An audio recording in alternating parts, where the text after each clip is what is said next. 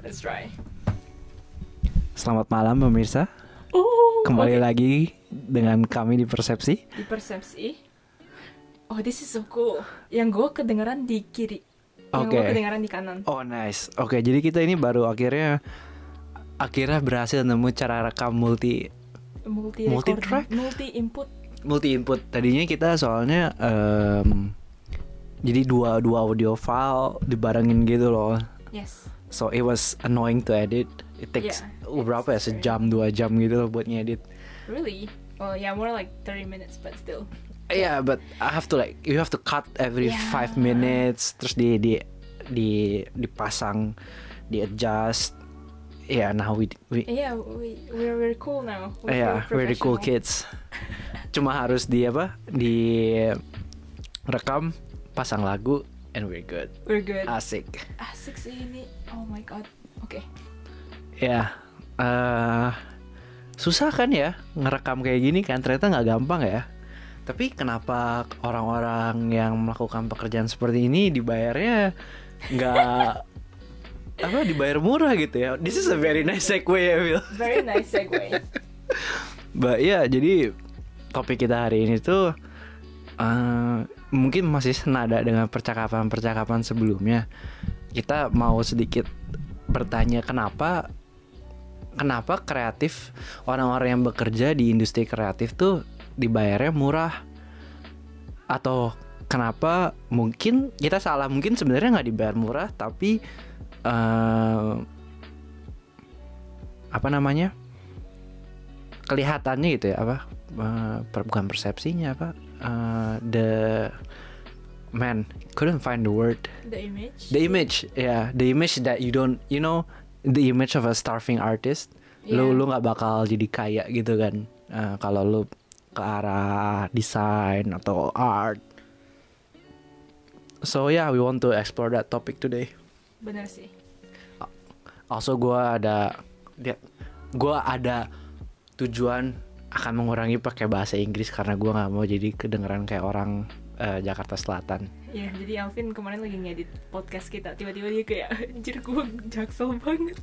Gak mau gue. Eh, tapi, I mean, I'll, I'll try to remove it. Tapi susah. Susah, Susah, susah. soalnya kita nggak pakai bahasa Indonesia. Gue kayak susah banget. Kayak apa ya kerja itu seharian. Jadi seharian kerja pakai bahasa Jepang.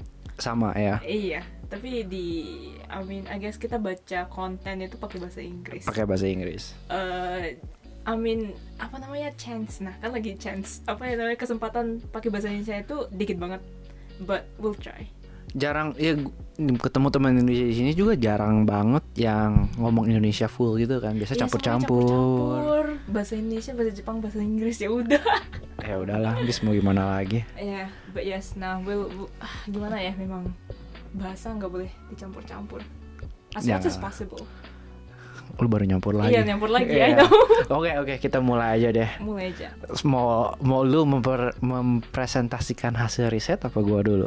Lu dulu deh soalnya riset gue nggak terlalu banyak juga Gua juga nggak banyak sih. Jadi em, gua nemu lumayan artikel dari dua perspektif. Mm-mm. Satu yang nyalahin si kreatif si you know the artist sendiri. Mm-mm. Satu lagi yang nyalahin eh, the system gitu loh. oke Ya, jadi eh, bis- eh, melihat dari dua sisi satu yang kayak emang sistemnya tidak menghargai pekerjaan kreatif, satu lagi karena orang-orang yang di lu pekerja sebagai pekerja kreatif mau aja di apa diinjek-injek gitu kasarnya Hmm. gitu. Eh, dan I think I think dua-duanya dua-duanya benar dan dua-duanya menarik menurut gua gitu. Yang soalnya yang sistemik itu eh, karena sebenarnya karena passion kan. Iya benar. Kayak lu lu kerja passion, lu, lu udah bisa ngerjain apa yang lu suka, lu nggak butuh duit lagi kan lu kan suka ngerjainnya gitu. Iya. And then so anggapannya lu apa lu dibayar murah atau lu em, ngerjain lebih panjang juga apa kayak overtime, eh, lembur atau kayak revisi klien berkali-kali. Lah kok lu protes? Kan lu suka ngerjainnya. Gitu Bener loh sih. jadinya. Eh, tapi itu yang menarik di artikel itu orangnya argue itu mulai sekarang kayak bocor dari bukan cuma kerjaan kreatif doang tapi karena sekarang orang mulai mencari passion secara aktif jadinya pekerjaan lain juga mulai kayak gitu kan. Ayo kayak kayak gimana? Kayak pekerjaan lain kayak gimana? Kayak even though lu pekerja kantoran gitu kalau lu kayak ah lu passionate kan di bidang ini gitu. And then itu jadi alasan bos lu nyuruh lu eh, lembur nggak dibayar gitu loh. Gue paling gak seneng sih alasan gara-gara lu passionate em, jadinya lu nggak usah dibayar juga. Gua, lu bakal bakal kerjaan kayak gini kan gitu. Lu bakal kerjain kan. Ya gue nggak terlalu suka itu sih. Gue juga nggak suka itu. Ya emang nggak suka. Tapi ya tapi bukti nyatanya banyak gitu banyak men bener-bener Iya. Dan kalau yang dari sisi artisnya sendiri tuh, gue belum, ini gue belum sempat baca semua. Tapi mm, mungkin kalau di mm, rangkum, Mm-mm. dia tuh karena artis tuh nggak bisa minta lebih. Si orang-orang kreatif tuh nggak terlalu jago komunikasi atau punya apa imposter syndrome, main kuat nggak bisa menghargai karyanya sendiri, mintanya murah, jadinya eh, dihargainya murah gitu. bener sih Ada benernya ada juga. benernya sih menurut Jadi gitu kan, kayaknya yang susah tuh itu kan bukan mempengaruhi lu nya doang tapi mempengaruhi, mempengaruhi in- se- se- keseluruhan industri gitu nggak sih? Kalau misalnya ada beberapa orang yang menghargai karyanya secara murah, otomatis buat yang menghargai karyanya secara mahal jadi agak susah gitu. Karena tuh sih itu murah. Kan banyak banget tuh kayak kayak lah lu kok minta harga segini segini sih? Di toko sebelah lebih murah gitu. Ma- lumayan sering gitu kan.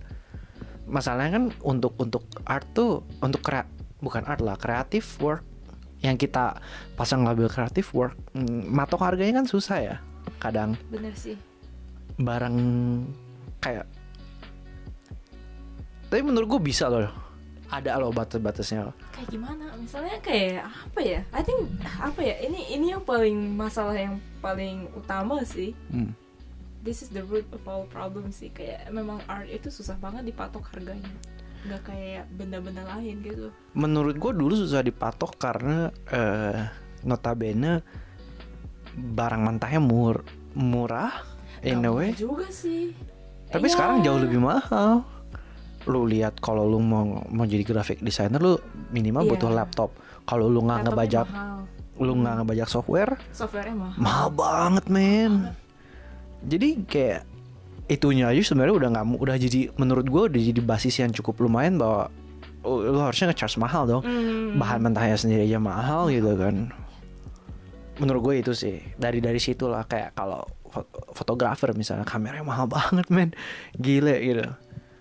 Ini aja podcasting aja gitu kan rekam suara doang. Modal mic dua gitu. Model mic laptop. Laptop. Garage band. Garage band ya garage band. Eh, Ya, gratis. gratisan lah Ba. but kalau yang pakai itu kan apa yang sound mixing panel gitu wow, berapa tuh? Mahal banget itu sih. Dari gue yang dua gue baca perspektifnya dua itu. I think kayak yang paling gua interested itu ya yang waktu lu bilang poinnya passion. Gara-gara lu passionate sama kerja ini lu ya dibayar murah murah juga nggak apa-apa kan? Mm-mm.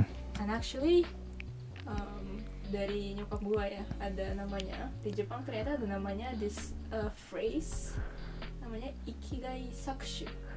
sakushinya apa maksudnya bentar ya gua google dulu gua juga nggak tahu. Ikigai gue tahu Ikigai kan berapa tahun terakhir lagi digaung-gaungkan kan. jadinya basically um, ikigai sakushu itu orang-orang yang punya ikigai terhadap kerjaan itu itu boleh dibayar murah. Bukannya boleh tapi cenderung dibayar murah. Karena dibayar murah pun masih ada orang-orang yang bakal kerja di- Ngerjain gitu Eh, kan. jadinya ini kayak misalnya guru atau are those kayak babysitter gitu itu merupakan passion mereka gitu loh. Eh, dibayar murah juga gara-gara mereka senang-senang aja kerjaannya pasti ada gitu kan yang kerja di bidang itu. Nggak bakal kekurangan orang-orang di bidang itu kan. Hmm. that's that's ikigai sakushu Uh, it's a big problem I think personally. Hmm. ya karena kita kan banyak ngomongin tentang kalau guru itu underpaid guru nggak dibayar uh, enough. Atau orang-orang yang di, jadi babysitter itu nggak dibayar enough. And this is this is the problem. Kayak orang-orang di misalnya apa sih yang pekerjaan yang dibayar banyak lumayan banyak yang overpaid menurut lo?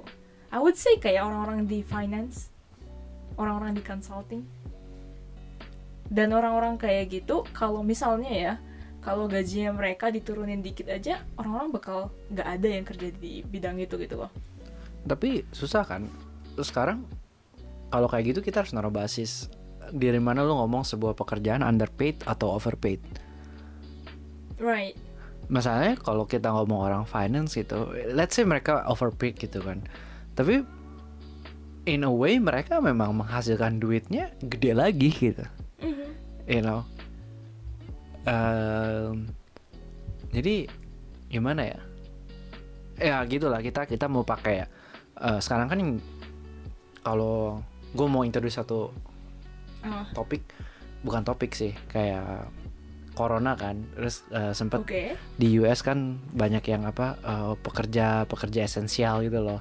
Hmm, eh, perawat terus Iya. pekerja supermarket yang kalau ternyata kalau nggak ada mereka society kita nggak akan jalan Nggak- nih nggak gitu. jalan, ya. tapi kan mereka dibayarnya murah gitu. Hmm. nah apakah kita mau pakai dat em, standar gitu? Seberapa be- pentingnya kerjaan lo gitu. Karena mungkin kalau eh, balik lagi itu kan kalau itu berarti seberapa penting enggaknya kita lihat dari Maslow's hierarchy of need gitu kan. Makin lu penuhin yang bawah makin berharga pekerjaan lu seharusnya. tanda tanya gitu kan. Seharusnya. Tapi kalau kayak juga. gitu kreatif enggak, sama finance di di, di a- atas atasan gitu kan. Ah, sama gitu kan. Tapi mereka jungkir balik gitu sekarang satu di bawah satu di atas in terms of pendapatan gitu loh. Right right right right. Jadi apa ya kayak kemarin pas mikirin topik ini gue kayak susah juga ya kita narik garis di mana dia Susah underpaid gitu. kalau kita nggak ngerti kenapa gaji setiap posisi itu segitu itu susah banget kita ngertinya kenapa Iya. kita bahas kenapa creative world is underpaid gitu benar benar menurut gue mungkin eh, satu hal yang bisa dilihat tuh eh, jam kerja mungkin ya mungkin uh jam kerja menurut susah gua sih. menurut gua walaupun kita nggak bisa lihat tiap tiap pekerjaan tapi Mm-mm. harus ada standar yang dipenuhi gitu minimal you get a living wage gitu Ah, menurut gua ya Iya. gitu. So that's one one standard gitu. Kayak lu kerja you know sekarang standarnya ya 40 jam seminggu berarti 40 kali 4 sebulan 160 jam. Kalau lu kerja 160 jam at least you can afford uh, uh, makan tempat tinggal. Iya, gitu loh. You know Iya. basic necessities gitu Iya, that's, jadi. that's, that's UMR kan namanya. Oh, iya UMR, UMR. Iya, tapi kan UMR kreatif dari- kan banyak yang nggak dapat UMR men. Even gitu Hmm. Ini kreatif banyak individual soalnya ya. freelancing kan Freelancing. Jadi ya nggak nggak termasuk nggak masuk perusahaan. Artinya ya perusahaan itu yang maksudnya pemerintah nggak bisa netepin lu harus dibayar segini kan gitu. Iya. Lu pemerintah pemerintah itu bisa kayak netepin UMR ke perusahaan gitu. Lu harus bayar eh, karyawan lu segini minimal. Freelancing susah banget sih. makanya kemarin gue lagi mikir ini kayak jadinya gue mempertanyakan kayak apakah gig, ekonomi itu bagus sebenarnya? Karena menurut gue enggak gitu. What's loh gig economy? Apa tuh? gig ekonomi itu itu trennya sekarang jadi kayak ya, kayak Gojek. Sebenarnya si supirnya kan nggak afiliasi sama Gojek kan? Dia freelancing supir gitu. Hmm. jadinya you know kayak kayak banyak banget orang yang menggaung-gaungkan oh ntar lagi kita bakal jadi gig economy you know everything's outsourced gitu. Is that a good thing? Ah, I don't think so gitu lebih dikit sih apa namanya? Apa namanya? Liability? Liability ke si perusahaan memang lebih dikit jadi ya well per, ya apa pekerja kan aset kan?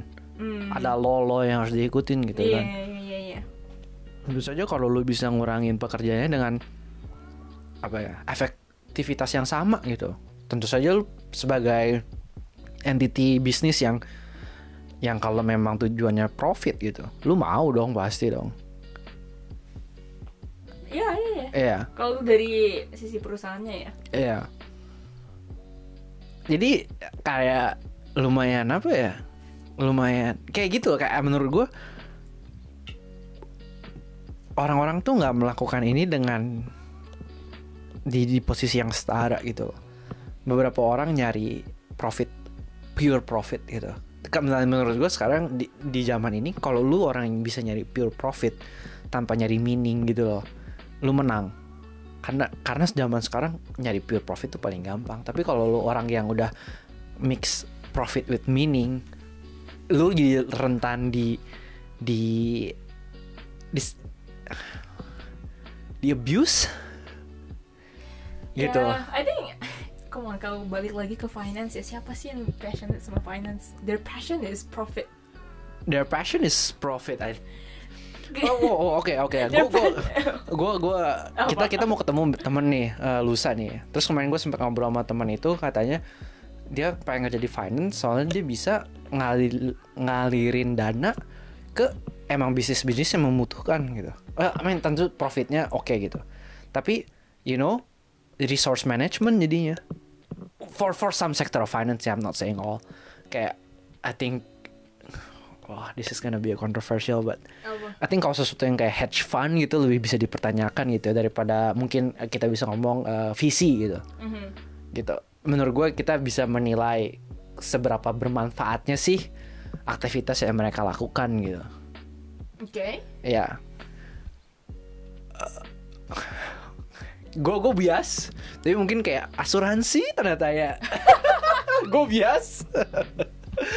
But you know, ya.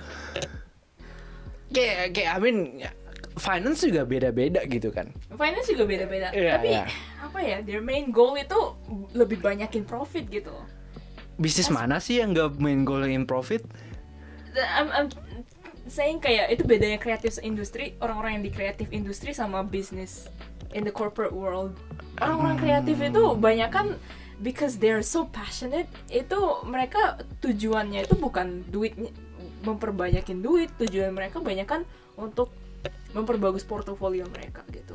Iya, iya. Makanya mereka iya, kayak iya. nggak apa-apa, oh revisi revisi lagi mau overtime ya nggak apa-apa, asal karyanya karyanya jauh lebih bagus. Karena yang bikin mereka senang itu karya yang lebih bagus menurut mereka, karya yang lebih high quality menurut mereka.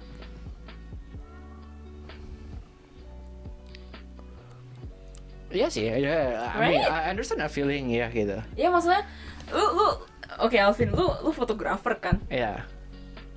jadinya lu dibayar itu per proyek atau per jam? Per proyek nggak sih biasanya? Gua sih netapin per proyek. Hmm. Jadi, I mean, gue punya standar. Jadi kalau gi- gimana ya, kalau orang nanya kenapa proyek gue semahal ini, gue bisa breakdownnya gitu loh. Um, Oke, tapi ya, per, per proyek per kan? proyek, Misalnya lu lagi edit foto ini. ya. menurut lu fotonya lebih uh, belum belum bagus nih belum sestandar belum nyampe standar lu gitu yang bisa dikasih ke klien lu bakal overwork kan lu bakal kerjain lagi kan sampai fotonya bagus gitu kan Hmm, iya sih. lu nggak mungkin kayak oh ya udah deh gua gua kayaknya dibayar cuma seginian juga Ini ini direkam kan? Kita nggak ngomong dari tadi nggak dia. Oke. Ini kok kok I'm just making sure. tiba-tiba paranoid ya I don't want to redo all of this again. But iya sih, oke oke. Iya emang emang tennya. Tapi gitu kan, revisi tuh ada dua macam, say. ada visi apa Revisi yang menurut lu udah bagus, klien masih minta revisi lagi, sama Iya, revisi yang, yang- oke gue lu setuju itu belum bagus gitu loh. Hmm, ya revisi yang klien minta itu it's it's annoying. Tapi gara-gara itu klien lu, you do it. Tapi gue bicarainnya revisi yang lu pengen sendiri. Of, of course, ya ya ya ya. Even karena buat gue tuh sometimes gue kayak you know this kerjaan butuh this special gear alat gitu misalnya either gue buy buat that kerjaan atau gue nyewa gitu loh yang yang Misalnya wedding gitu. Misalnya wedding butuh lensa. misalnya wedding butuh lensa Spesial gitu. Spesial lagi? gue pernah kerjaan gue butuh tripod waktu itu gue belum punya tripod gue beli tripod waktu Lu itu charge klien nggak? Tripod? Enggak. Ya gitu lah. Enggak, enggak Kalau korporat di charge klien Oh, this is, I semuanya. think, this is I think a very very good case di mana waktu itu gue dapet eh, kerjaan influencer gede banget Hmm. follower waktu itu berapa ya more than 20,000 I Oh think damn. itu gede banget deh Oke oke. terus ngeliput kerjaannya juga gede banget dia dia Uh-huh. datang ke Jepang buat event gitu loh terus Hmm. kayak gue I was paid so cheap man for the amount of hours I work it was so cheap Why? Kenapa lu lu oke-oke aja? exposure itu salah satunya tuh kita bisa bilang. eh gitu iya, kan kayak artisnya tuh bilang oke-oke aja padahal artisnya artisnya demi exposure. even bukan artisnya yang portfolio. negoin lo waktu itu maksudnya bukan gue bilang eh, maksudnya gue bukan artis yang eh, klien lu Uh, tapi oh, artis artist lunya guanya gitu iya ya. jadinya kayak di oke okein aja buat demi exposure demi portofolio demi exposure portfolio ya ya ya ya benar itu sih salah satu alasan gak sih kenapa artis are paid cheap tapi emang susah ya apa em, kalau kita ngomong yang pemula gitu. Emang mereka butuh that kayak pemula doesn't even know cara set harga gitu loh. Gue waktu gue inget banget my first job. Oh itu jadi my first job tuh foto di Disneyland. Oke. Ya dan gue set harga seharga tiket Disneyland waktu itu berarti lu basically nggak dibayar gitu? Terus gue set terus gue set harga. Gue tutup telepon terus gue diem. Wait harga tiket Disneyland segitu.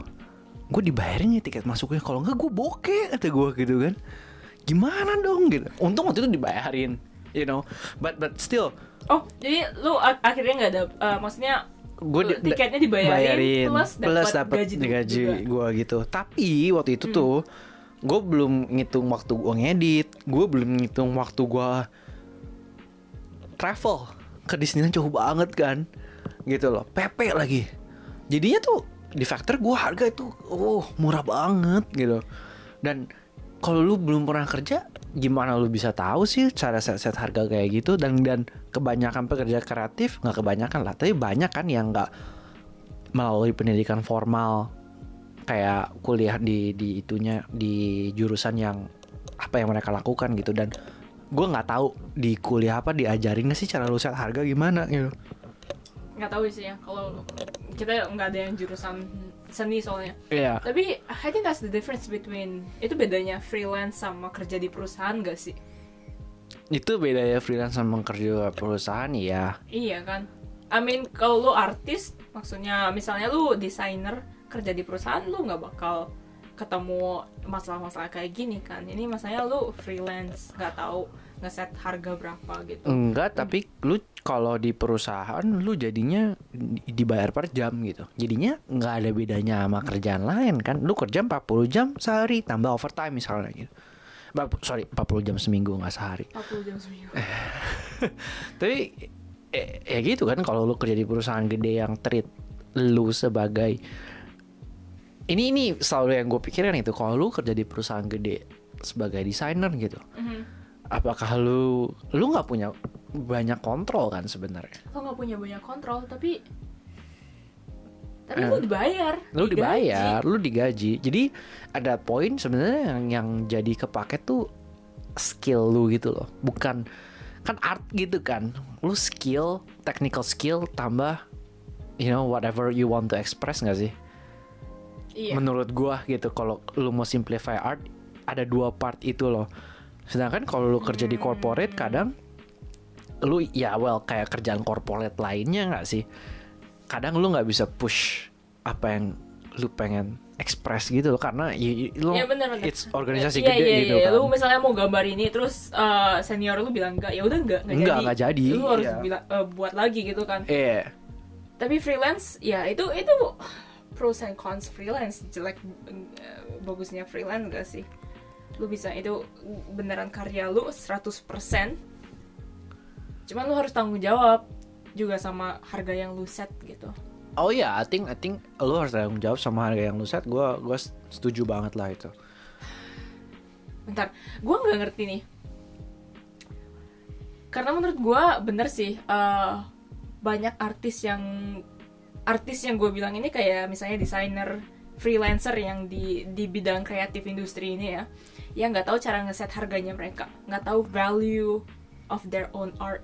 ya Itu beneran gak tahu nggak sih cara ngeset harga, right? Kayak gimana ya lu lu ngeset harga lu bilang lu bisa justify harganya ya lu bisa mungkin ya Final Cut Pro atau apa Photoshop gua sebulan bayar segini itu masukin ke ini eh, harga lu bisa. Tapi at the end kalau itu beneran foto lu berharga berharga seberapa itu nggak ada yang bisa ukur right?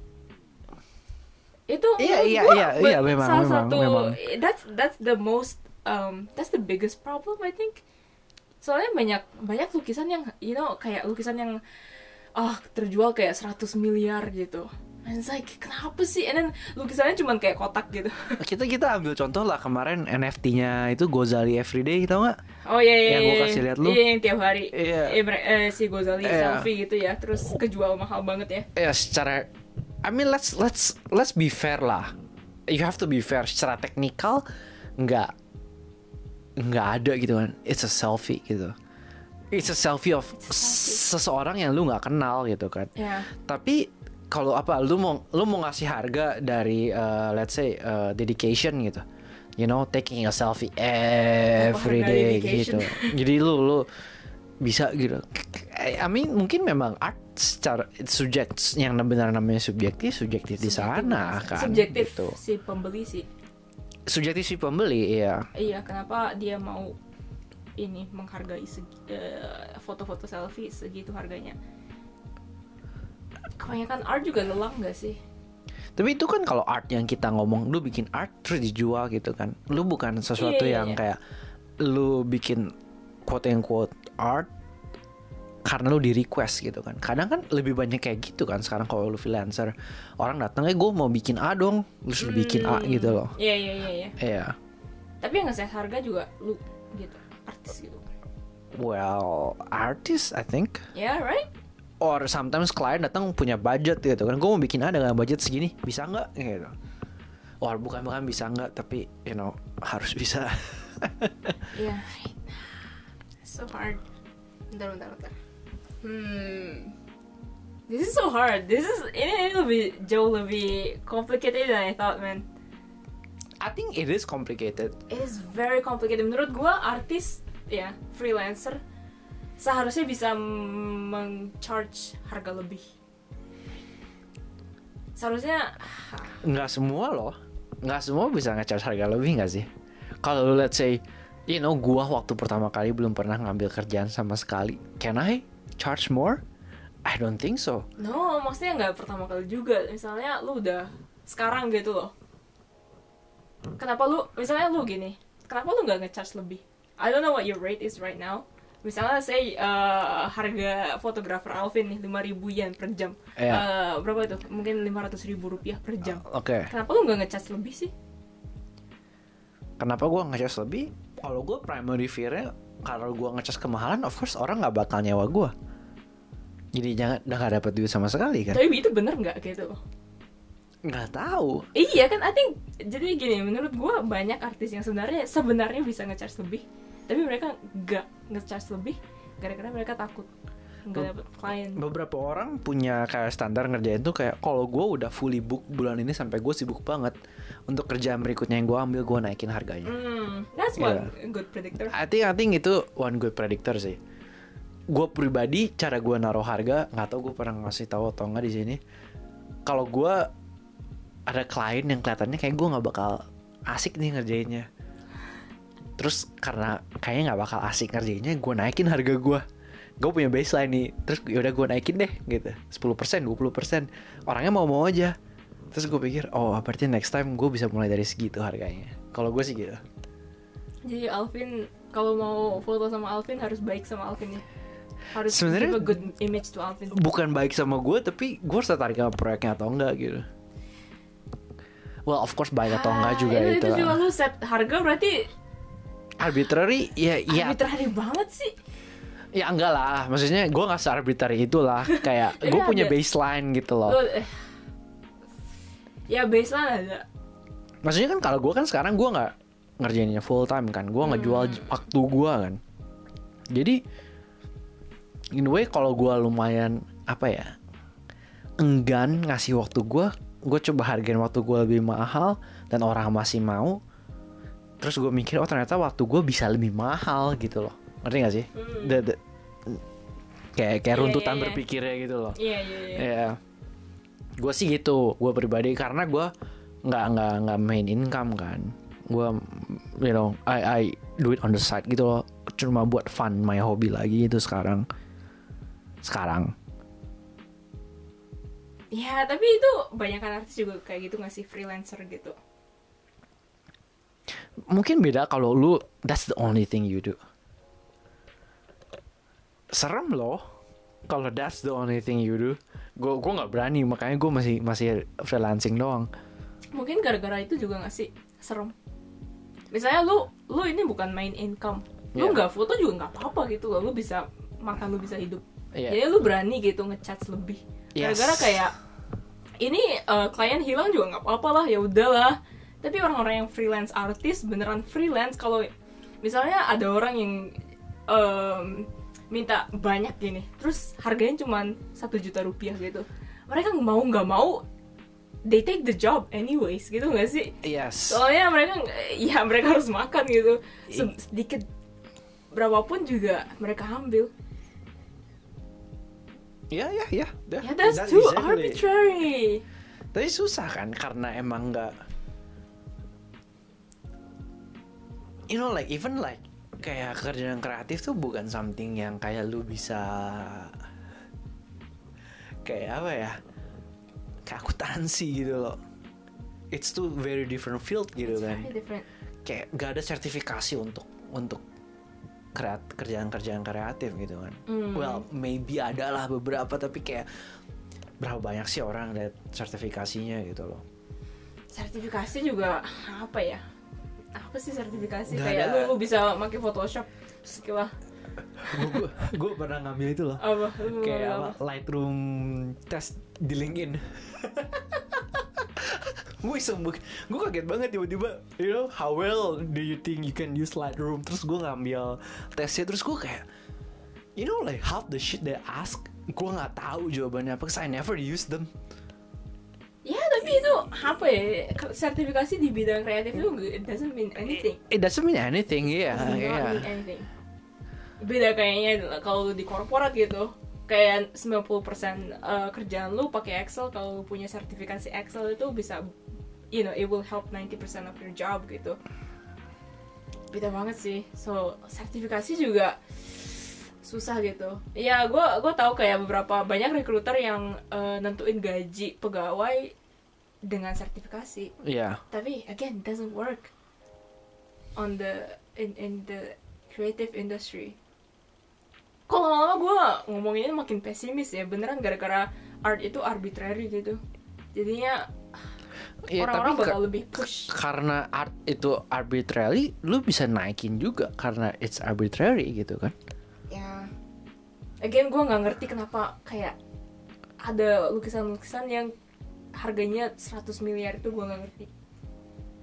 I think gitu loh. Kita kita ngomongin ini kita lamp kita lamp creative industry di satu gitu loh bahkan menurut gue ya gue yang sedikit apa ya istilahnya mah sedikit berkecimpung gitu ya menurut gue lu nggak bisa lamp ini semuanya di satu tau nggak harus ada banyak posisi ada banyak Iya. Let's say, let's say lu fotografer fine art versus lu fotografer fashion versus lu fotografer wedding. Menurut gue fine art fashion wedding oke Iya oke, itu tiga tiga hal yang berbeda gitu. Let's say fine art tuh lu lu foto baru lu jual. Fashion lu proyek gitu kan, ada proyek fashion lu foto. Wedding ada wedding orang lu foto gitu kan. Itu cara cara lu nentuin rate, cara bagaimana karya lu dihargain kan beda gitu loh. Kalau fine art, you know, orang kan nggak peduli berapa ratus jam yang lu siapin, ada foto mereka beli gitu Mhm. kalau fotografer hmm, fashion per proyek kan. Ini proyek dibayar berapa? Terus lu siapin proyeknya lu foto lu deliver hasil gitu. Hmm. kalau wedding lu bisa naruh oh gue misalnya wedding pre wedding sama hari H. Lu kasih pre wedding foto 8 jam sama foto hari H 8 jam lu nggak lebih dari itu deliver berapa sekian ratus foto gitu. Itu kan itu aja cara-cara nentuinnya beda-beda gitu kan. Iya, bener. dari ada yang berapa jam yang dihabisin lu sama si orangnya nanti ngasihnya berapa ratus foto versus misalnya fine art cuma satu foto gitu. Itu fotografer doang loh. Gitu fotografer doang Fotografer beda lagi. doang. beda lagi kalau lu pelukis gitu. Beda lagi lu pelukis beda dan lagi lu videographer film desainer baju film anything. anything. Even oh. Tadi bahkan itu kayak oh jewelry misalnya. Gue I never thought about jewelry gitu kan. Ju- jeweler jewelry ya bikin bikin perhiasan gitu. Oh, so gimana per jam lu lu ngabisin berapa jam buat satu piece? Per piece misalnya gitu. Bahan mentahnya aja udah mahal jewelry gitu kan. Hmm, terus kalau lu bikin jewelry dari plastik harganya bis- jadi di bawah eh, yang pakai berlian misalnya. Yang berlian nggak diapa-apain versus plastik lu aneh-anehin gitu. Gitu kan jawaban apa yang lu cari? Gue pengen tahu. Kenapa? Ya I guess I know now kenapa. Gue lebih tahu kenapa sih sekarang. Karena kita udah ngomongin kan tentang how art is arbitrary. Setiap posisi beda. Cara menghargainya. Gue oke I I know why tapi ini perspektif gue sebagai you know gue gue oke pertama gue nggak pernah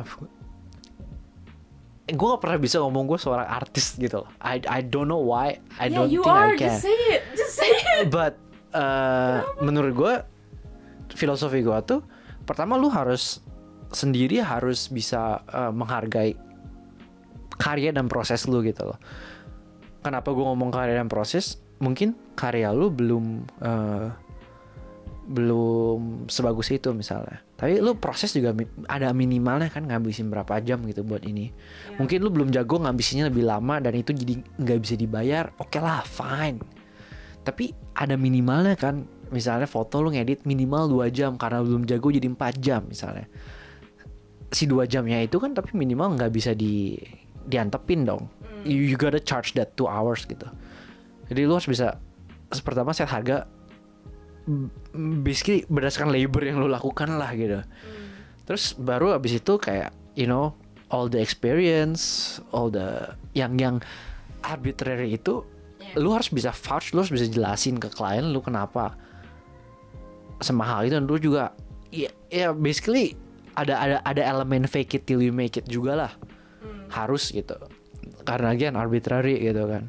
Beberapa fotografer sekarang orang wedding gitu. Bisa hire dua fotografer loh. Satu fotografer yang beneran dokumentasi satu fotografer yang lebih artis. Yang kayak oh gue suka perspektif lo lu pengen gue pengen lo apa eh, ngeliput wedding gue gitu. Hmm, itu kan itu dua orang aja beneran fotografer wedding aja dihargainya beda, banget gitu kan. lu bayangin ada, ada- bisa dan sekarang orang setajir itu bisa nge-hire dua fotografer cuma buat kayak gitu doang gitu loh you know make an art out of my wedding and you know document my wedding gitu Wedding I understand, cause wedding is once in a lifetime. yes Lu bisa charge lebih mahal kan? Iya. Karena lu tahu ini orang nikah cuman se- sekali gitu. ya Ya, well, ya in in most cases orang cuma nikah sekali lu bisa ngecas lebih mahal, orang-orang bakal mau gitu. You have the upper hand. I guess kayak gue yang pengen yang pengen gue denger itu in the future artis tuh bakal dihargain lebih banyak. Soalnya gue pengen masuk ke creative industry, tapi gue ngelihat gimana ya, gue ngelihat gajinya mereka, gue kayak "Ah, jadi nggak mau gitu. yang lu lihat average wage kan Ya, gue ngelihatnya average price tapi kayak sedih banget jadi gini gue gua kemarin gini nonton youtuber ya youtubernya terkenal banget youtubernya nggak desain merch buat Justin Bieber loh. Oke that's Justin, big. that's yeah. big kan? Dia dia desain merch dan Justin Bieber punya lagu baru album baru ya tentang eh, Peaches. I think that's the album atau merchnya itu dia yang desain. And then dia nggak eh, dia bilang gini dia bilang eh, dia punya YouTube video like eh, how how I pitch my clients. Terus dia ngasih tahu rate-nya dia. Dikit banget so rate-nya dia I think it was like berapa ya rate-nya dia? Eh, dia ngecas uh satu t-shirt gitu ya. Dia ngecasnya per jam. Satu jam mungkin dia ngecas ah, was it? 80 dolar. 80 dolar tuh 100 juta. 1 juta. satu juta per jam. Dia nggak desain t-shirt dua jam jadi. T- t- satu t-shirt dua jam loh itu desain merch Justin Bieber. Oh, bu- itu bukan untuk Justin Bieber sih ya. Cuman biasanya rate-nya dia itu satu ju- juta per satu t-shirt. Untuk level sedia yang level sedia itu udah ngedesain merch buat Justin Bieber. Terus gue kayak ngeliat videonya gue kayak agak sedih banget gitu. Gue kayak tadinya mau oh merch design sounds cool. Terus ngeliat kayak rate-nya dia kayak kalau dia aja yang udah level Justin Bieber cuman ngecas 2 juta eh 1 juta 2 juta per t-shirt kayak gimana ya? Oh my god that's so underpaid. Terus gue jadi kayak ya udah nggak jadi deh. Oke oke, gue yang gue mau tanya di sini menurut tuh underpaidnya tuh based on what? Based on the significance of the work gitu atau apa? significance of the work yes cause it's like dia udah Justin Bieber man. Kamu Justin Bieber yang merchnya berapa orang sih yang beli ratusan ribu. Oke, berarti lu setuju kan artis artis or wha- whatever uh, kerjaan tuh lu boleh ngasih harga arbitrary again based on how significant Yes. the client gitu yes kan? please. Ngasih harga arbitrary. Iya, iya. Iya. lu kalau gue jadi dia lu gue bakal pengen ngecharge ya enggak enggak 80 dolar dong. Gue pengen ngecharge kayak 8000 dolar. Because kayak gue bisa ngerisenin oke kalau gue udah desain buat Justin Bieber yang merchnya itu dibayar dibeli berapa orang gitu. This is big impact. Berapa ratus ribu orang bakal pakai desain gue gue mau lebih banyak yes. Tapi kenapa orangnya cuma ngecas 80 dolar? I don't know. Gue kayak nggak gimana ya? Terus gue kayak apa artis nggak bisa nego, ne- negosiasi? Menurut gue, I think banyak hal banyak banyak orang yang melupakan bahwa lu tuh harus advocate on your own for your own industry deh. Lu harus bisa convince orang-orang di luar industri lu kenapa industri lu tuh worth mahal gitu. loh. iya that's the thing Kata kata gue itu penting sih. Industri mana pun gitu. jadi Kayak- artis lebih lebih harus eh, ini sih eh, eh, eh, bisa sales Yeah, and I Right? think a lot of artists hate sales pitch. bener kan Yeah, makanya nonton Chris Do, ah, gengs. siapa sih Chris Do, Chris Du yeah, how the do you spell it Do do wakanai. yeah, that that bold guy. The future, do you know?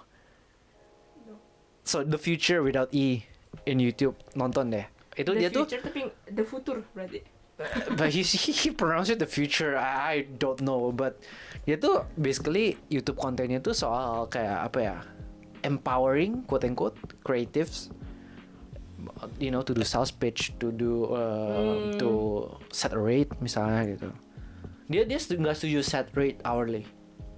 ya hourly Yeah. hmm, Eh, gue juga agak gimana sih Yeah. gue nggak ngerti kenapa orang-orang set rate hourly I think when you start you should set hourly, cause there's nothing more that you can sell. Hmm, tapi kalau lu udah udah ya udah lebih experience no I don't think you should.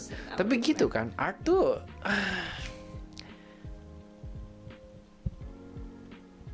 It's very different you know it's so funny when sometimes kayak uh, you know those kind of art yang kayak it's very simple but it's very hard to do. yeah. It's very simple Yeah, yeah, technically, yeah, yeah, yeah, technically it's very simple. But then you know to get there you need yeah to get to thousand that point, hours yeah, of you- experience, you need right? experience. Dan orang-orang yang nggak ngehargain itu gue agak Tapi susah gitu kalau orang-orang yang nggak hargainya cuma secara you know I mungkin ada orang yang gue menghargai apa pun yang technical semakin technically hard something is like but you ya you don't like it that's fine tapi lu harus lu harus setuju ada orang yang kayak gitu kan Iya, ada orang kayak gitu tapi this is, this is the thing I don't like. sih makanya sebenarnya just like in any industry you have to find your niche man I think that's the only way You have to find your niche. You have to find the right buyer. Oke bisa lah. let's let's. Again controversial opinion. Apa? tapi lu lihat lah NFT NFT yang harganya ratusan Oh, juta. Kenapa sih The Boring Ape bisa berapa? kalau lu ngomong secara ilustrasi sendiri do you think it's good? I mean, I I personally think it's not good. Ya gue it's nggak suka gitu. Kayak tapi ya gue gue bisa gambar gitu loh. Tapi lu lu nggak bisa it does my opinion nggak invalidate orang-orang yang think for whatever reason itu harganya semahal itu gitu kan. Yang beli gitu. Art is very arbitrary dan harga art itu gini dari dulu banget sih. Berapa bukan seberapa artisnya ngerasa apa ya It- it's more like the buyer it's more like the history of it. It's more like the trend of it. Kenapa NFT itu bisa the boring ape 30 ribu dolar itu karena orang-orang it's, it's trending. Orang-orang mau bayar 30 ribu dolar dolar untuk bisa dapat you know they own a piece of it. Gue gua punya NFT loh. They want that thing. They want that prestige gitu gak sih? For NFT ya ya ya. For NFT ya. Terus gue kayak gue baru nyadar you know Mona Lisa the the yang ah, apa ya lukisan paling populer di sejarah kita. Itu terkenal gara bukan gara-gara lukisannya very difficult. Lukisannya susah banget digambar enggak. You know kayak lu, lu, lu lihat Mona Lisa deh. Banyak yang bisa gambar Mona Lisa. Itu terkenal gara-gara sejarahnya. Dia lukisan itu pernah dicuri I think dua tiga kali. Dan dia Mona Lisa itu terkenal habis dicuri. And I was like kayak oh it just threw me off gitu loh. Kayak gue gue ngelihat eh, cerita itu gue kayak oh. Jadi gimana ya art itu bukan technical difficulty bukan pure art gitu loh. Tapi sejarahnya dan persepsi orang-orang di sekitarnya yang ngelihat art itu juga it is more important. Lebih penting gak sih? I think so I think so ya Eh, that's why it's hard kan?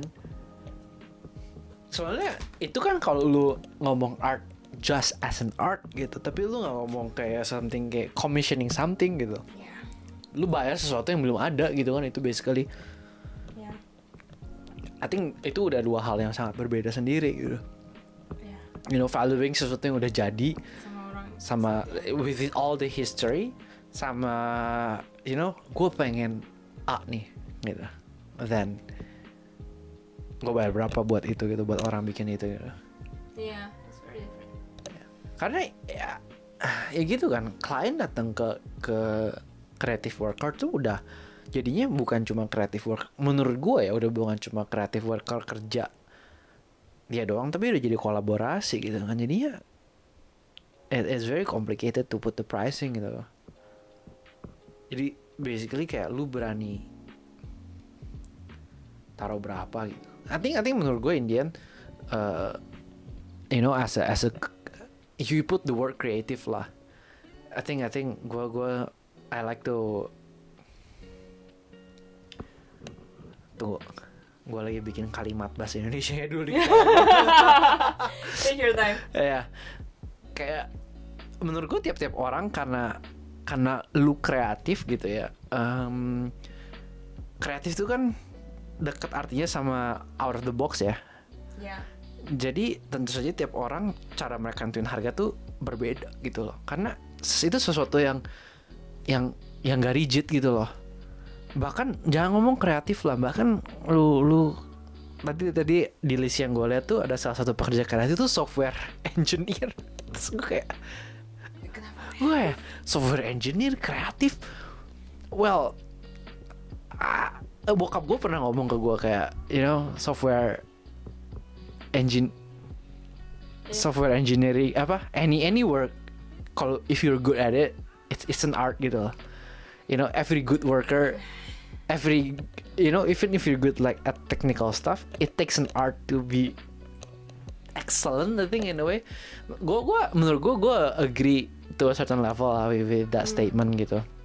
Dan makanya uh, even lu kalau datang ke software uh, developer uh, yang freelance gitu Hmm. cara mereka nentuin harga pasti beda si orang A sama si orang B gitu loh. bisa mereka nentuin per jam mereka nanti ada yang nentuin per, uh, seberapa susah proyeknya gitu misalnya Hmm. tergantung menurut gue sih sekarang sebagai yang kerja coding oh tergantung sistem apa yang mereka bikin buat ngerjain that that freelance thing gitu Hmm. jadinya eh, emang nggak bak- bakal pernah bisa you know yang standarisasinya tuh bukan bukan itu tapi gimana ya? Kayak yang standarisasinya kayak gak bakal ada standarisasi tapi harus ada bare minimum gitu menurut gua. Hmm. bare minimumnya ya itu. Lu kerja sekian jam ya itu minimum wage. Lu kerja sekian jam lu bisa hidup gitu. And it go only it only goes up from there. Gue setuju sih. I think for ya gue bare minimum seharusnya ada sih buat freelance artist juga. Ini ke mana-mana sih tapi menurut gua kalau kita udah ngomong bare minimum kayak gitu jadinya uh, it can only ke arah ngomongin oke siapa yang mau enforce that bare minimum gitu kan? Pemerintah. Can we trust pemerintah buat enforce that bare minimum gitu buat kita gitu kan? Hmm. I think ah, kalau sekarang mainnya platform gak sih lebih. Soalnya soalnya yang, sekarang udah di- digital world artis itu misalnya musicians ya mereka taruh uh, musiknya di mana? Di Spotify. Hmm. you know Spotify. Yang yang play itu bayarnya very little kan? Iya I think kayak Spotify seharusnya lebih bayar lebih banyak loh lebih bayar mu- musiciansnya enggak sih? Karena itu ya tanggung jawab mereka. Hmm, tapi ya harus sampai segimana gitu. Banyak musician even yang gede-gede itu kayak mm, pendapatan terbesar mereka tuh dari live. hmm. Live gig still pays really good buat musician. What about YouTube? YouTube pay- pays well, I think. Pays better than Spotify. Ads, YouTube ads. YouTube, iya, the- iya YouTube dapat dari ads kan. Sama juga kayak Spotify gak sih Oh. bisnis modelnya? Spotify ada yang premium, ada yang free kan. Tapi orang YouTuber itu sekarang image-nya ya, nggak tahu sih. Oh iya, I mean YouTuber itu dibayar itu sampai mereka bisa ini kan quit full time job mereka buat jadi YouTuber. kan. Tapi jarang kan yang YouTuber yang bisa hidup dari ads alone. Dikit banyaknya dari sponsorship rather than ads. Especially yang western lah. Kalau yang Indo karena penduduk Indo gede banget tuh bisa bisa, bisa ya. dari ads ya. kayak gue gue pernah dengar Atta Hal Atta Halilintar berapa ratusan juta at least Dari at YouTube least ads. dari YouTube ads Iya, subscriber 2 m nggak nggak nggak nggak 2 m 200 juta 20 juta wah nggak tahu gede banget lah itu bisa tapi lu berapa banyak sih yang 20 juta subscriber oke gue gue cek nih Atta Halilintar berapa Kata Halilintar ya. Atta Halilintar paling gede kan di Indo kalau nggak salah. Oh really? sempat sempat paling gede. Atta Halilintar. 29 million man. 29 juta. Oh shit. double nya Marcus Brownlee man. Gile. Di Instagram udah 22 juta follower. Nah, itu bisa lo hidup dari ads. Tapi berapa banyak orang yang kayak gitu banyaknya dari dari sponsorship kalau yang gua tahu youtuber yang gue ikut eh gue ikutin karena again gue ngikutinnya mid to small to mid level mereka hidupnya dari eh, sponsorship Spotify nggak bisa sponsorship ya? Kalau lu podcast bisa, bisa. Kayak Podcast satu bisa. menit pertama kita kayak Iya. oh this episode is brought to you by gitu kan. kalau kalau lu denger kita musik kayak gitu wah tepuk tangan nih gengs that means we're that big already one day sampai ada yang bisa sponsorship kita yang mau sponsor kita juga boleh welcome banget. oh ya please do man Eh, kalau musik nggak bisa kan? musik gak bisa bisa lagi kan musik Susah ya, bener sih ya. eh ya sedih sih ya sedih sih gue kayak tadi baca artikel kayak Spotify kalau I think 90% Spotify revenue itu goes to the 90% of the biggest uh, place in Spotify Uh, It makes sense 43 ribu artis make sense gak sih make sense tapi kayak ya it's kind of sad Tapi gitu kan kayak kayak artis gitu. Gue gua ada satu artis yang the following is very very small di bawah 100 ribu. Hmm. Tapi masuk, I think masuk top 5 gue nggak tahu top 10 ya top 100 gitu yang gue play gitu. Hmm. Apakah my money goes there? I don't think so. I I pay very gue bayar Spotify murah banget for the amount of time I'm listening on the platform. I mean that's subscription right gitu kan. tapi kalau Spotify misalnya naikin harga lu mau nggak Spotify Kalau Spotify sih gue tetap oh gue listen Lu- 80,000 minutes per year man Ya, that's true sih. Ya, kalau Spotify na- naik harga gue oke lah. gue oke lah Netflix naik harga, gue masih oke even though it's hard though gue nggak bayar sendiri again but I still reach off my parents for Spotify sama Netflix I guess kayak, uh, I think kayak gue juga hipokrit juga sekarang ngomong kayak artis should be paid more. Padahal gue masih bayar- ngebajak gak lo? No, not really. Ah. udah, udah ke Jepang udah. udah Did you did you sail the high seas as a pirate? Cause I did. Ah. Oke, ya, that's the thing. Pirating itu di Indonesia gede-gede banget kan bajak-bajakan. Itu kayak nggak menghargai artis. lu bayangin kemarin gue diketawain dong Oh. di di di WA keluarga beredar itu link James Bond punya pirate eh, pirate link piracy link itu James Bond yang baru tuh terus gue ngomong kan udah jangan disebarin lagi udah sampai sini aja you know you stop it here diketawain gue Kenapa? oh, gila galak banget gue kayak gue kayak susah kan jadinya kan it's you know nonton bioskop di Indo murah banget lima ribu Iya, iya, iya, iya. iya. It's so cheap, man. Oh, gila. Sorry ya, tapi nonton nonton bioskop di sini tuh minimal harus keluar 200 ribu lebih gitu. Sakit gitu dompet. But you know, kayak gimana ya? Gue bayar 200 ribu for two, two hours plus. It's not bad. 1000 lebih, 100 ribu lebih per jam. That's that's the average wage here, you know. So I think it's still kasarnya a fair enough trade in a way, you know. Tapi lu, uh, jadinya lu artis sendiri. Lu, lu bisa ngehargain gitu loh. Lu ngerti gitu. Oke. Ya gue ngerti Gua- gua seberapa ngerti susah gitu. Seberapa susah bikin film. Kenapa ini, you know, like the amount of experience. Tapi kan itu cuma buat gue yang ngertiin doang gitu. Iya. Kalau yang gue nggak ngerti ya susah. biasa nggak ngerti. Makanya balik lagi, you know, kalau lu mau jadi pekerja kreatif, salah satu tugasnya itu educating Terus educating. the market. hmm, Kayak ini tuh susah loh, ini tuh patut dihargai lebih loh. Sekarang gue liat di di Insta tuh lumayan banyak yang lebih berusaha lah kayak gitu. Beberapa orang yang nggak sengaja gue nemu gue follow Iya. gitu. Yang kenapa yang orang-orang yang komplain gitu loh kenapa sih ini foto sejam aja bisa 500 ribu? gitu kan. Ah men foto tuh alatnya mahal banget. Semua kaca woi mahal. Let me rant a bit gitu kan Mahal banget foto gila. Eh benar sih. Tapi Iya. gua I think dulu gua sering pirating ya soalnya I mean gua cuman anak SMA di Indo. Iya, Gak iya, duit please. Jangan. Jangan dimarahin gua. Tapi sekarang udah lu mulai menghargai ya susahnya orang bikin film susahnya orang bikin musik gitu. Jangan Buku tuh buku. Buku. Jangan bajak lah. Except for apa? Lu lu bajak apa? Masih lu bisa justify? Dulu waktu kuliah Bajak buku pelajaran oke please itu kita masih ini sih anak kuliah nggak apa-apa.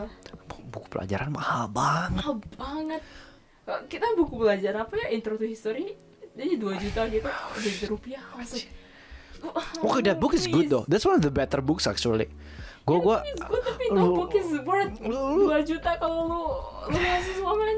Oke that that's true.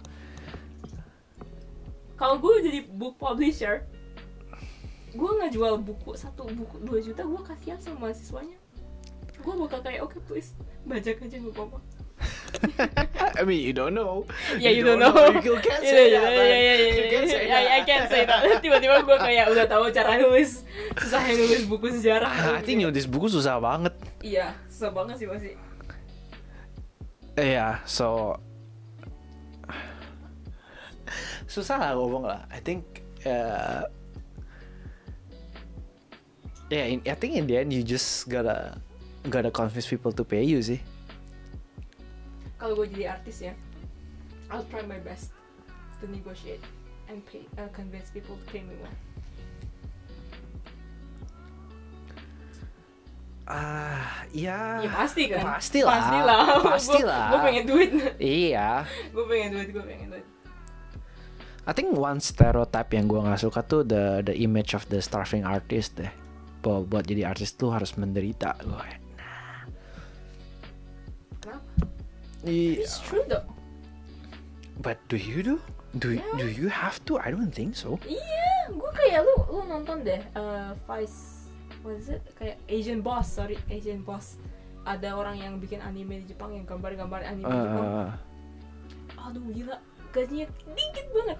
Oh ya, gila. You know, anime ilustrator di Jepang itu harga itu gajinya nggak kira-kira. Anime Jepang yang kayak dicintai berapa juta orang di luar negeri. Oh, oke. Ini ini Oke, Itu- I, I can I can she- I, like- I can say a lot about this because I take classes my uh, profesor salah satu risetnya ngomongin nggak salah satu sih tapi mencakup ini Hmm, sistem anime Jepang tuh aneh banget loh apa? Jadi pertama sistem anime di Jepang tuh eh ada ada namanya Soul Soul Shakuing What's that? basically uh, grup yang ngesponsorin si proyek anime A gitu. Makanya in a way, in a way, in a way. Makanya kenapa lu bisa tiba-tiba nonton anime tiba-tiba keluar 7-Eleven Oh. gitu kan. Mereka yang sponsorin. Mereka yang sponsorin. Oke. Nanti mereka yang dapat special rights. Oh, you know, gue udah sponsorin anime A. Kalau ada merchandise anime A, gue yang jual gitu. You know. Hmm. Jadinya gitu loh sistem kerjasamanya. Nah, si ilustratornya sendiri tuh terlepas dari seberapa hitnya animenya, dibayarnya benar nggak berubah. Nggak berubah coy, dibayarnya per jam. Dan karena karena awalnya lu nggak tahu sebakal seberapa hit dan s- mungkin si anim- animatornya belum punya nama gitu, itu dibayarnya tuh lebih murah daripada lu part time job. Iya, murah banget. Murah banget. Gue pengen nangis gue kan ngelihat ilustrator yang dia dia bilang kayak gue liat di Asian Boss itu dia bilang dia gambarin anime-anime yang terkenal beneran terkenal sampai keluar dunia. And she gets paid like murah banget. I, forgot what she paid tapi itu lebih murah daripada lu part time job di 7-Eleven. Iya, gila lu, men. Tapi wah, you're saying kayak orang-orang yang bikin Kimi no Nawa itu dibayarnya low kayak Tapi- di UMR. ya, eh, ya, gue gak bisa ngomong per per, per film Per yang anime, mana tapi- gitu lah ya. Tapi secara kan, industri secara memang industri. memang oh man that industry is shit in a way yang kayak jelek banget buat eh pekerja di dalamnya gitu. Lo tau kalau dari secara hierarki yang dibayar paling gede siapa? I'm gonna guess uh, the VC yang lu bilang. Iya, Siapa? bukan. Oh. Voice actor. Oh what? Voice actor tuh kalau di Jepang udah kayak artis sendiri mereka. The voice actor can carry the promotion, makanya dibayar mahal. Yang kedua direkturnya. Sekarang Direktur recently recently karena orang mulai ngangkat animator, beberapa animator mulai direcognize nih sekarang. Tapi tapi gitu harus you know sih kayak harus ada yang ngangkat dulu gitu. Harus ada yang nge-expose dulu kalau nggak mah nggak bisa. Ya. Lu, lu tau nggak voice actor tuh diundang ke anime convention bisa ngisi gitu loh. Voice Mhm. actornya gitu loh. Kayak man, oh it's it's for a for a million dollar industry ya. eh, it's very sad gitu. It's very sad sih. Iya. Kayak I mean, you can say a lot lah kalau kita ngomongin anime industry gitu. Is, I think menurut gue satu yang paling eh, nggak sehat. Eh, dan you know kalau gue gue paling kayak sakit hati denger ada ada orang asing datang ke Jepang. Gue belajar ilustrator mau jadi ilustrator anime. Oh man. Oh, poor you. Dibayarnya ya. lu mending ke mending ke Amerika mending ke Amerika lu Lebih masih bayar. oh masih jauh lebih mending Jangan ke Jepang ya. jangan ke Jepang Itu by the way kayak orang-orang yang oh anime illustrator. Yang gue lihat di video kayaknya dibayarnya satu bulan cuma 10 juta sih. Less than that. less less than that I Less, think less, iya less. di Tokyo lu bayangin Di Tokyo 10 juta nggak cukup by the way. By the way. Gila. I think kayak um the the average wage kayak uh, apa apa sih average, wage in Indonesian? Apa? Oh, Gaji rata-rata. gaji, rat- gaji rata-rata ya. Itu 40 I think. 35 sampai 40 juta per bulan ya. Gaji rata-rata soalnya ya, ya apartemen sekitar. doang aja udah 10 juta gitu. Iya. kan, kalau di mereka Indonesia. itu yang ilustrator itu banyak yang literally tidurnya di bawah meja. That That's so Terus masih ada gue pernah nonton interview dan mereka masih ngomong ya nggak apa-apa soalnya gue bisa gambar karakter yang gue suka. jangan gitu jangan dong. jangan ngomong gitu please ya I get it. this this is the thing with passion orang-orang masih mau jadi animatornya tuh nggak nggak protes juga nggak nggak mereka nggak bakal bilang lo kalau nggak bayar gua 30 juta per bulan gua nggak bakal gambar buat lo gitu right I think Hmm, Oke lah, mungkin dari dari sisi pekerja kreatifnya sendiri harus punya, you know, lu jangan mau di, lu jangan mau di- diinjak digunakan gitu, di apa sih? Di di di being used, take advantage take of. take advantage of ya ada. ya diinjak di jangan mau dipakai. Udah gak bisa bahasa Indonesia.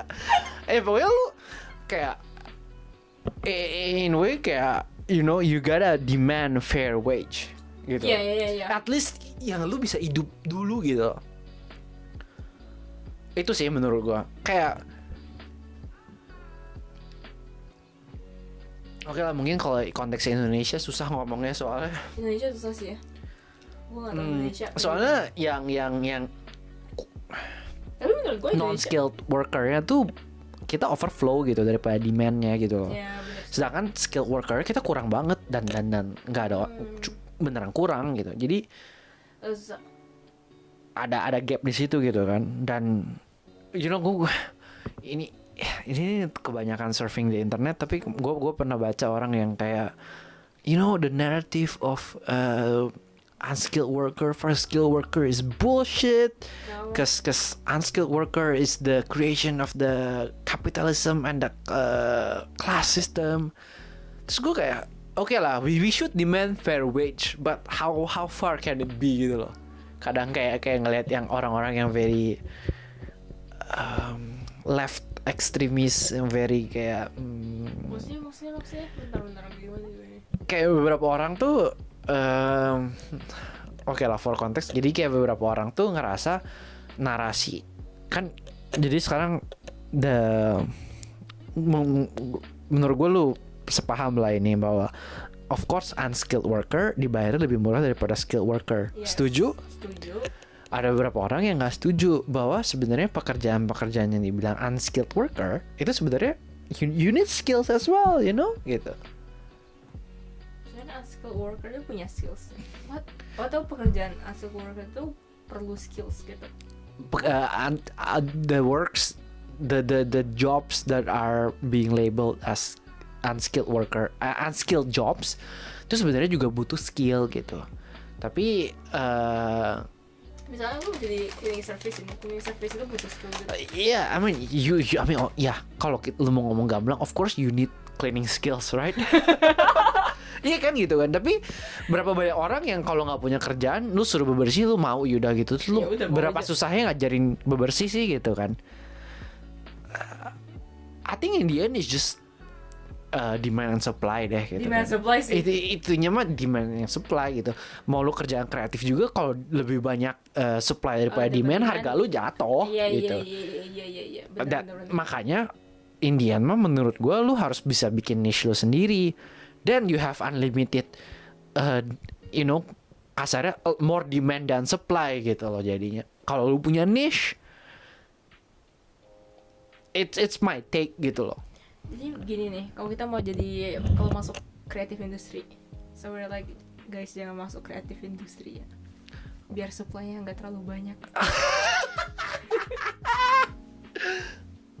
tapi it's true. alasan gue rada rada enggan jadi fotografer seberapa gampang sih jadi fotografer lu tinggal keluar duit beli kamera Hai I'm a photographer, photographer.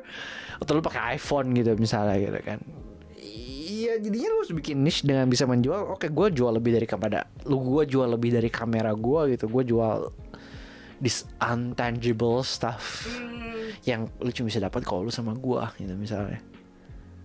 Makanya ya again balik lagi kenapa gue nggak mau mulai dulu? Karena gue gue mau mau mau mau cultivate itu jual itu jadi gue you know I don't have to suffer first but I don't have to start doing it full time langsung gitu juga It- ada trade offnya lah semua semua ada trade offnya I think yeah, so Yeah.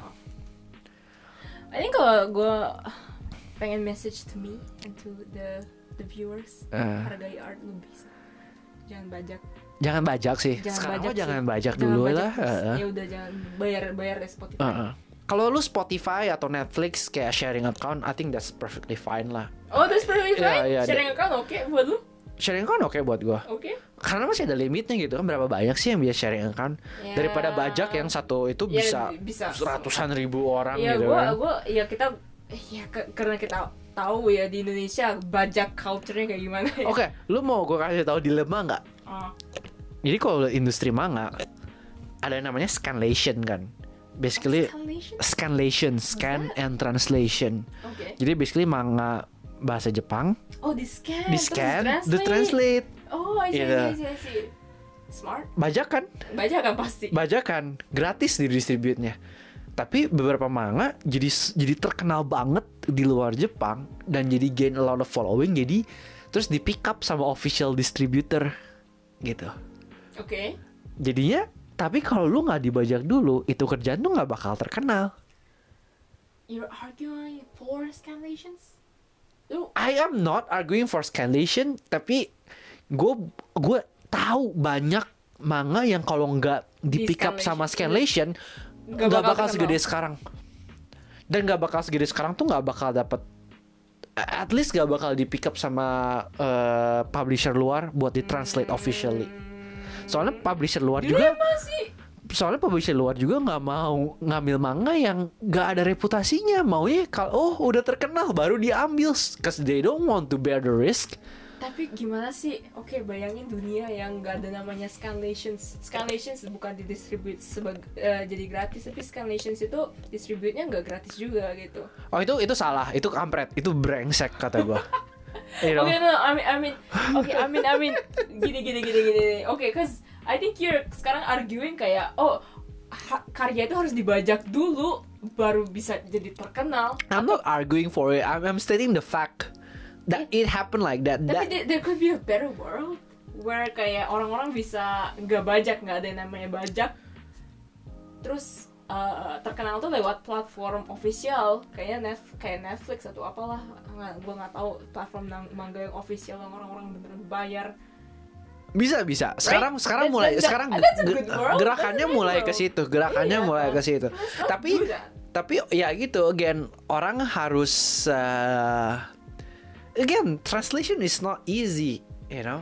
It's very hard to do right? Lu tau lah lu tau lah how how hard it is to to translate kan? Oh iya iya gue udah translate berapa kali itu is very hard. Uh, Iya, dan lu kalau lu bisa tuh translate sebuah manga gitu kan. Susahnya segimana iya. Iya, gue tahu. and then that translation result belum tentu meledak gitu. Iya. But you know this translation people they do it for free. Mereka bahkan nggak minta dibayar gitu kan. Oh. They're the one that that uh, mereka baca, mereka suka, mereka decide to translate buat you know let other people know that this is good shit gitu loh.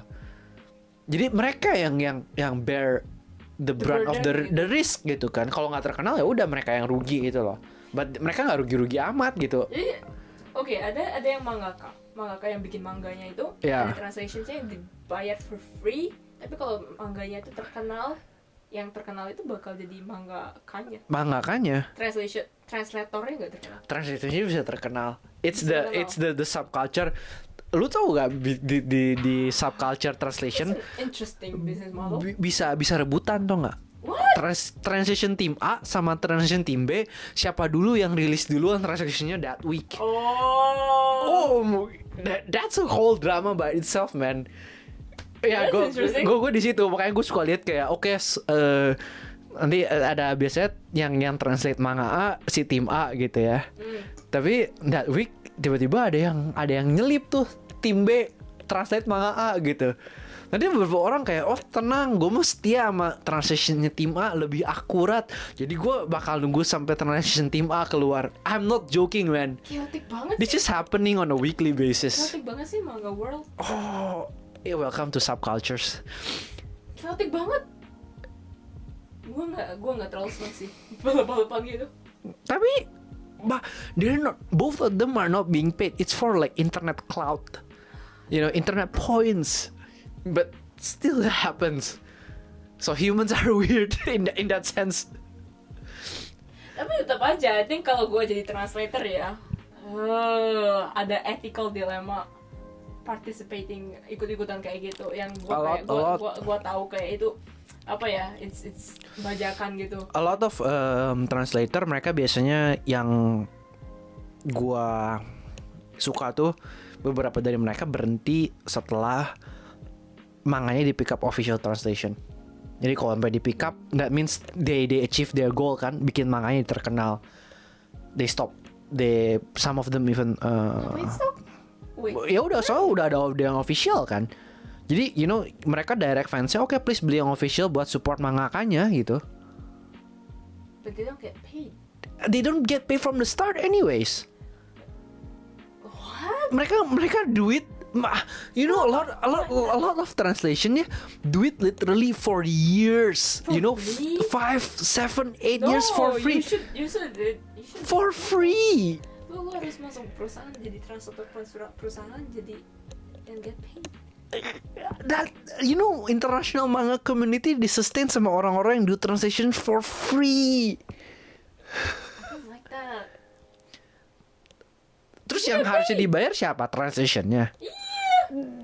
They're doing they're doing illegal shit sama aja mereka sama don't do kayak. illegal shit isn't isn't that Tapi kan kalau gitu kalau mereka mau duit legally mereka harus bikin kontrak sama publisher yang di Jepang. iya iya iya That cost money man. But still iya, iya, kontrak maksudnya that cost money yes Iya, tapi nggak- nggak- nggak. aja kayak don't susah gitu kan jadinya gitu kan. ya, gue ngerti susah tapi ya, same time ethical dilemma man nggak tahu sih gue gue bakal kena ethical Eh, dilemma mer- I I think mereka ada ethical dilemma juga makanya mereka stop begitu si authornya bisa dapat revenue dari international market. ah I don't understand that Iya. kayak oke gue gue bakal translate manga lu gue bakal support manga lu sampai manga lu terkenal tapi once manga lu terkenal udah di pick up sama publisher official gue stop gitu and then gue mundur Cause they're not the official publisher like Iya, tapi like gua- by law mereka nggak punya hak lagi buat translate, buat publish gitu lebih tepatnya. passion mereka cuman kayak oke gue dukung lu sampai lu terkenal eh, sekalinya lu terkenal gue mundur Bukan mereka mundur tapi mereka stop doing illegal stuff. Cause what they're doing is illegal. But they're doing illegal terus mereka stop doing illegal stuff terus mereka ngapain well, I don't know. what do they do they I don't even know who the fuck are they. They're all using I, like I'm pseudonym. concerned for this translator gue kayak gue But kayak, lu they're- bayar apa enggak sih mereka nggak dibayar sama sekali. They they they have a full they have a full time job on top of that translation gig every week loh. Let me tell you oh that. jadi mereka doing it part time They're doing it part time. They're, they're doing it for fun. ah I see They're doing it for fun. Again, sama kan kayak gue yang doing photo for fun gitu. Uh, yeah. don't do it for fun man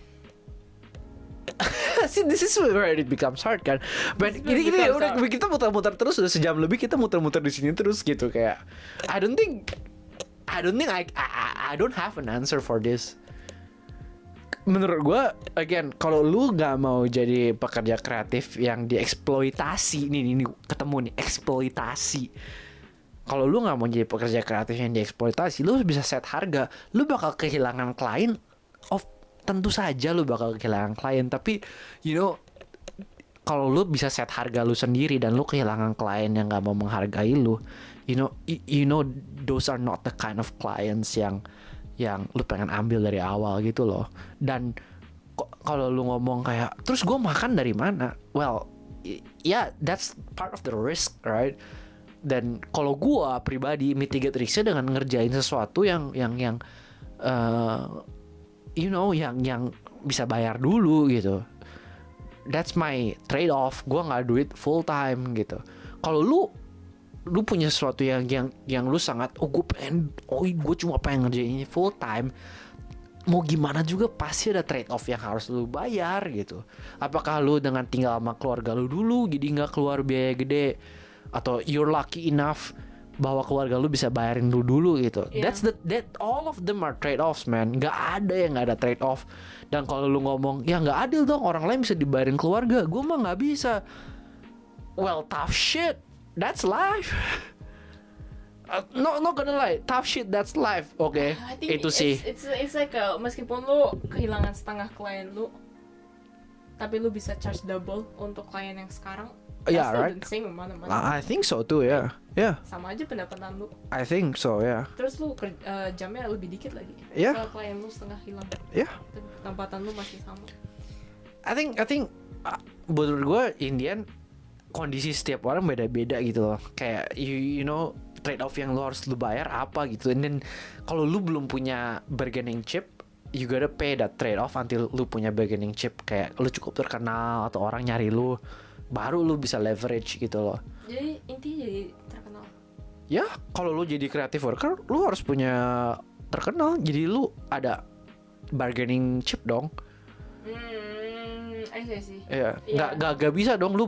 Nggak, I don't think even though it sounds ideal kayak you're nobody dan people respect your work.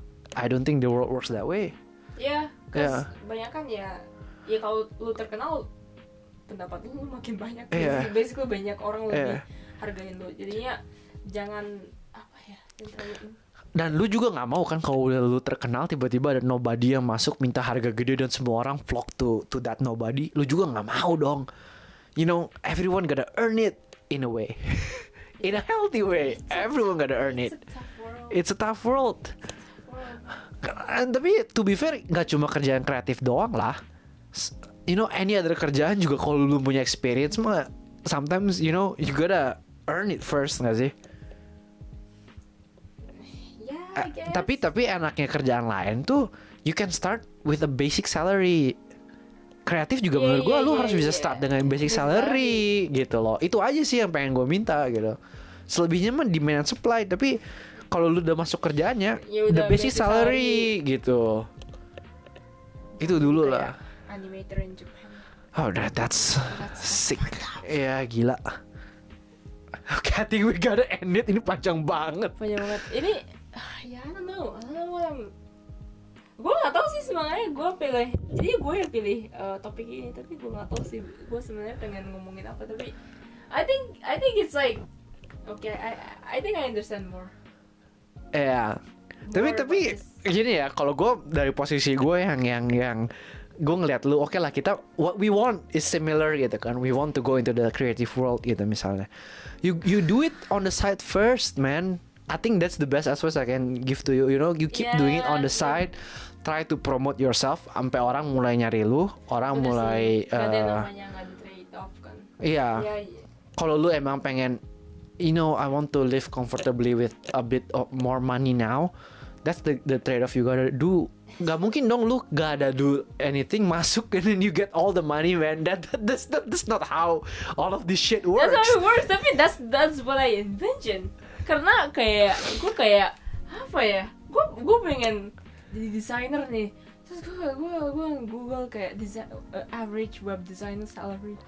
Terus gue langsung sedih banget ngeliat kayak Lu emang tahu kerjanya web designer ngapain ya I know. ngapain Design website websites. no And, like, you know some people only website. design buttons lu mau design 20 iterations of the same buttons kalau lu kerja ke perusahaan tuh jadi gitu Iya kalau jadi perusahaannya. But, but um, I'm talking freelance and it's like kayak gimana ya? Ya susah. Anyways, anyways. Let's let's not dig too deep into my personal rants. Oke, oke. Kalau lu mau jadi web designer, you should ask me. I work as a web designer before. Enggak cuy. What? As an intern, iya. Intern lu web design? UI UX. Oh. I, I, gue, gue sebelum jadi web programmer, gue web design dulu. Damn. You know, it doesn't, it, it doesn't look as fancy uh, uh, it is, you know, most of the time. Iya, gue gue pengen freelance sih. Beneran gue kayak, lu butuh website? Ah, aku Kalau, iya, iya, kalau lu mau yang kayak gitu, iya bisa. Please bayar gue Iya. 20 juta ya for this website. That's what I want. Itu yang gue pengen sih. Tapi, tapi, tapi, let, let me tell you, web design tuh jauh lebih technical daripada, uh, I think, I think, I think, I think, I think it depends. Lu pi- pikir lu lebih technical, lebih technical gara-gara lu bisa technical parts, right? No, Oh, menurut You know, Panjang, panjang, panjang, panjang, panjang, panjang, panjang, we- should stop this. Should- Okay. we should stop this. Uh, as Anyways, usual, as usual. this is a long topic. Kalau ada yang pengen chime in, uh, apparently katanya Anchor tuh bisa send voice notes. So I'm gonna try and find it, and then maybe from the next episode, if you guys want to be featured in the in the podcast for your opinions, you can go to Anchor and send your voice notes. Okay. Bokap nyokapku.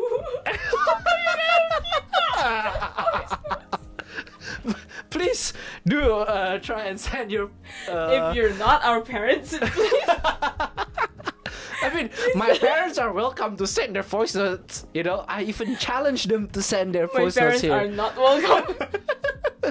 But yes, uh, any thoughts, any opinions, any disagreements, uh, you know, drop by on our Instagram's DM. Uh, kirim apa aja, say hi to us, and we'll try to do better next time. we'll try to do better next time. We'll we, we, we we'll do more research, and I Maaf guess guys, gue yang buat topik ini. gue yang ngeren tapi I think I think kayak gimana ya? Siapa tahu ada yang aspiring creative person dengerin podcast ini. Mungkin nggak mungkin nggak bakal dapat jawaban yang mereka pengen dari podcast ini tapi mungkin mereka bakal bisa mulai bertanya-tanya gitu ya. Yeah, I, I think dari gue kayak don't kill your dream, tapi be realistic a bit lah. Kayak be ready for the trade off aja sih. Yeah, that's true, that's true, But true. please don't kill your dream, Ya, man. gue gue juga pengen jadi naif gitu kan. Yeah. Gue pengen kayak, oh gue gue jadi pelukis aja deh. And then Yeah. somebody out there will appreciate my art. Yeah. Tapi nggak kayak gitu kan dunia ini. Enggak enggak kayak gitu. Iya. I mean, lu bisa jadi pelukis and somebody out there Will, will appreciate, appreciate you. Tapi art. kayak, mm, lu You get you need to do more work ya. to go there gitu Iya, loh. iya, iya. Itu Susah- aja sih sebenarnya. ya. Iya. Iya, bener. But yeah, uh, I guess that's the conclusion for tonight and well, see you guys next time. Bye bye. Bye.